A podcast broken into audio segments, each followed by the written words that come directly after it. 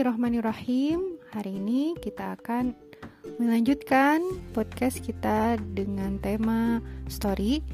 Uh, hari ini kita akan mengambil ki, uh, cerita dari buku 101 kebiasaan anak hebat.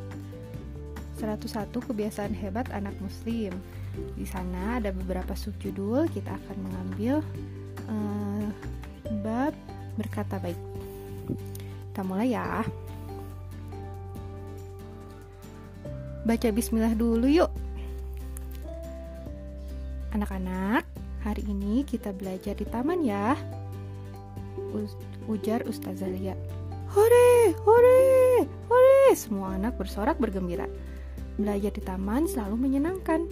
Udaranya segar, tempatnya luas, dan banyak bunga yang indah. Kita berdoa dulu ya, ujar Ustazah Lia. Bismillahirrahmanirrahim. Tiba di lapangan, mereka membentuk lingkaran. Mereka akan bermain kucing dan tikus. Seorang akan menjadi tikus yang berusaha keluar dari lingkaran. Seorang anak lagi menjadi kucing yang berjaga di luar lingkaran. Bismillahirrahmanirrahim, ucap Afnan yang bertugas menjadi tikus. Permainan berlangsung seru. Tak henti-hentinya mereka tertawa bergembira. Selesai. Bismillahirrahmanirrahim berarti dengan menyebut nama Allah yang Maha Pengasih lagi Maha Penyayang. Kita diajarkan untuk menyebut nama Allah sebelum belajar, berpergian, makan, minum, dan lain sebagainya.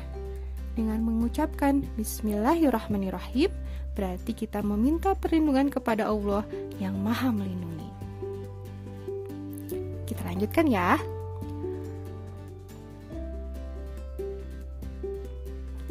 Mengucapkan Alhamdulillah. Wah, Nafida sudah sembuh ya, ujar Alia. Alhamdulillah, sahut Nafida senang. Tidak enak sakit lama-lama Teman-teman yang lain pun senang. Mereka menyalami Nafida. Nafida sudah boleh main lagi kan? Tanya Alia. Nafida mengangguk. Alhamdulillah, boleh. Tapi tidak boleh kecapaian. Alia merangkul Nafida. Senang rasanya sahabatnya sudah sembuh dan bisa kembali bersekolah.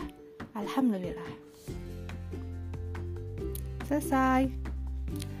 Alhamdulillah artinya segala puji bagi Allah. Mengucapkan Alhamdulillah berarti bersyukur atas apa yang diberikan Allah kepada kita. Allah dan Rasulullah sangat senang pada anak muslim yang selalu bersyukur. Berbanyaklah membaca Alhamdulillah karena bacaan Alhamdulillah itu mempunyai mata dan sayap yang selalu mendoakan di dalam surga-surga dan memohonkan ampun bagi pembacanya di akhirat nanti. Hadis riwayat Dailani.